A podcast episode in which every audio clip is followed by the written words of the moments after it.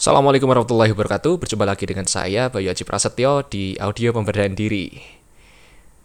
Audio kali ini kita akan membahas tentang Tuhan asli akan menghancurkan Tuhan-Tuhan yang palsu.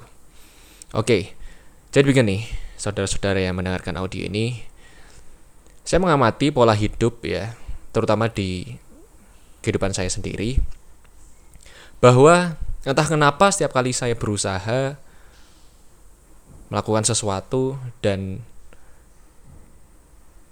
saya akan atau kecenderungannya akan menemukan sebuah kondisi ini dalam konteks ketika saya ingin mendapatkan suatu pencapaian ya yang cukup bagi saya cukup uh, prestasi bagi saya ya untuk mendapatkan pencapaian tersebut.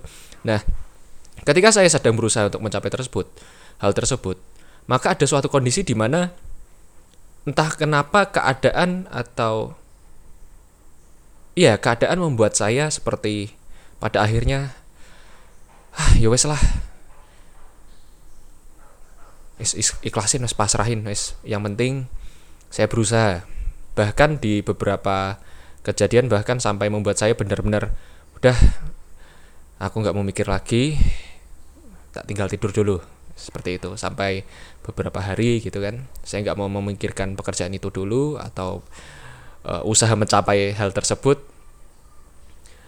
Namun namun uniknya namin namun uniknya ketika di fase-fase surrender tersebut ya di fase-fase menyerah dalam tanda kutip tersebut ya. Bukan berarti menyerah dalam arti sudah tidak melakukan sesuatu lagi tapi bener-bener mengakses perasaan pasrah total ya menyerahkan diri pada Allah. Entah kenapa pencapaian tersebut menjadi secara tidak eh, terduga-duga bisa tercapai. Tiba-tiba progres yang sebelumnya saya usahakan dengan sekuat tenaga kok nggak berhasil berhasil kok setelah melalui fase menyerah ini kok malah tiba-tiba bisa berprogres dan tiba-tiba langsung di pikiran saya muncul sebuah ide baru yang tereksekusi ke, menjadi berhasil. Ada sebuah pemikiran-pemikiran atau nasihat-nasihat dari orang lain yang ternyata saya aplik aplikasikan kepada hal yang ingin saya capai itu. Ternyata kok berhasil. Nah saya mengamati pola hal tersebut tidak sekali atau dua kali. Nah apa sebenarnya yang terjadi? Yang terjadi adalah saya berkeyakinan bahwa pada saat itu Allah Tuhan sesungguhnya sedang menghancurkan yang namanya Tuhan-Tuhan palsu yang ada pada diri saya, yaitu diri saya sendiri, yang menganggap bahwa Bayu ini bisa melakukan sesuatu atau mencapai sesuatu tanpa atau lebih tepatnya tanpa bantuan dari Tuhan, tanpa bantuan dari Allah. Hanya mengandalkan akalnya saja, hanya mengandalkan sumber dayanya saja, hanya mengandalkan kenalannya saja, hanya mengandalkan timnya saja, hanya mengandalkan produknya saja, hanya mengandalkan jasanya saja. Namun sering kali melupakan yang namanya campur tangan Allah, yaitu berupa perasaan bahwa kadang terlalu optimis atau kadang terlalu ingin mengontrol keadaan. Nah, ternyata setelah saya amati itu sedikit banyak adalah sebuah kesombongan dan Allah tidak menyukai yang namanya orang sombong. Makanya ketika itu dibuatlah saya atau sebuah mekanisme kehidupan yang membuat akhirnya saya menyerahkan diri atau menyerah atau dalam tanda kutip bukan tanda kutip ya ya ikhlas pasrah dan ajaibnya ketika itu ketika saya sudah menanggalkan ego saya ketika saya sudah menghancurkan kesombongan yang pada ada pada diri saya maka entah kenapa sumber daya sumber daya yang lain yang kami butuhkan itu datang. Dan entah kenapa progresnya menjadi sangat sangat baik dari sebelumnya. Meningkat berkali-kali lipat dari sebelumnya. Dan ini pun juga yang mungkin terjadi pada saudara-saudara kita mungkin anda. Orang-orang lain yang mungkin suatu ketika ia memiliki sesuatu yang ia bangga-banggakan, memiliki uh, hal atau hal-hal yang ia cintai, yang suatu hari hal tersebut semua yang ia cintai, yang ia banggakan hilang begitu begitu saja. Tetapi setelah itu ia mendapatkan sebuah pencapaian yang luar biasa, seperti halnya titik balik. Nah,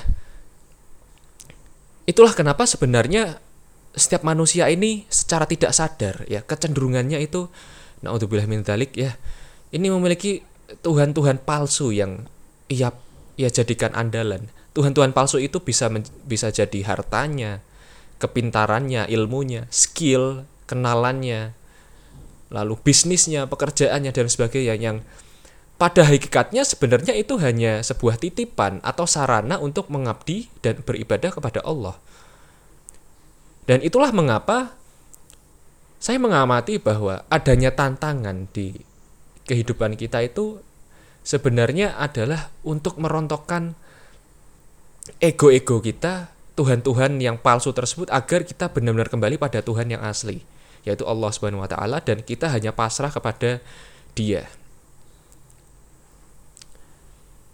Nah, pertanyaannya adalah apakah harus kita melalui fase yang ini yaitu fase kita dibuat apa kehilangan sesuatu atau dibuat menyerah, dibuat agak frustasi dan sebagainya sehingga kita bisa mendapatkan pencapaian lebih yang lebih cepat lagi?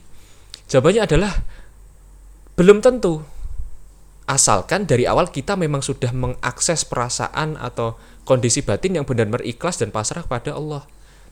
Nah, dari sini kita harus bisa membedakan pula sikap batin dan sikap fisik kita, ya sikap batin sorry sikap fisik kita boleh kita kerja kerja keras kerja cerdas pokoknya yang empat as itu ya. Dengan benar-benar bersungguh-sungguh berusaha bersungguh-sungguh di level material namun di level batin di level yang terhalus kita akses dari awal perasaan yang nothing tulus perasaan yang ikhlas pasrah yang yang penting berusaha. Dengan begini kita menjadi ini bukan garansi akan berhasil ya, tapi ini garansi bahwa kita akan tetap feel good dengan apa pun hasil yang akan kita dapatkan. Mungkin ada orang yang bilang bahwa ketika kita bisa ikhlas pasrah maka kecenderungannya akan mendapatkan sesuatu kebaikan. Ada benarnya juga, tapi ada juga yang tidak. Nah, oleh karena itu tidak ada garansi. Yang menjadi garansi adalah bagaimana perilaku kita akan tetap baik apa pun kondisinya. Nah, inilah yang namanya paradoks. Di satu sisi kita kerja keras, di satu sisi kita ikhlas.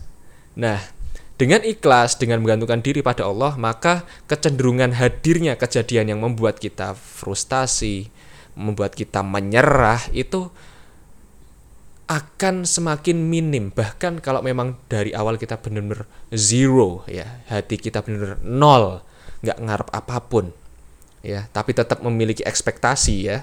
Tapi tidak berharap pada apa pun kecuali Allah maka insya Allah kecenderungannya itu akan baik. Paling tidak sikap kita yang akan tetap baik dengan kondisi apa pun. Kira-kira seperti itu? Mudah-mudahan dengan audio kali ini kita bisa mengerti apa sih sebenarnya Tuhan-Tuhan palsu yang selama ini kita jadikan sandaran.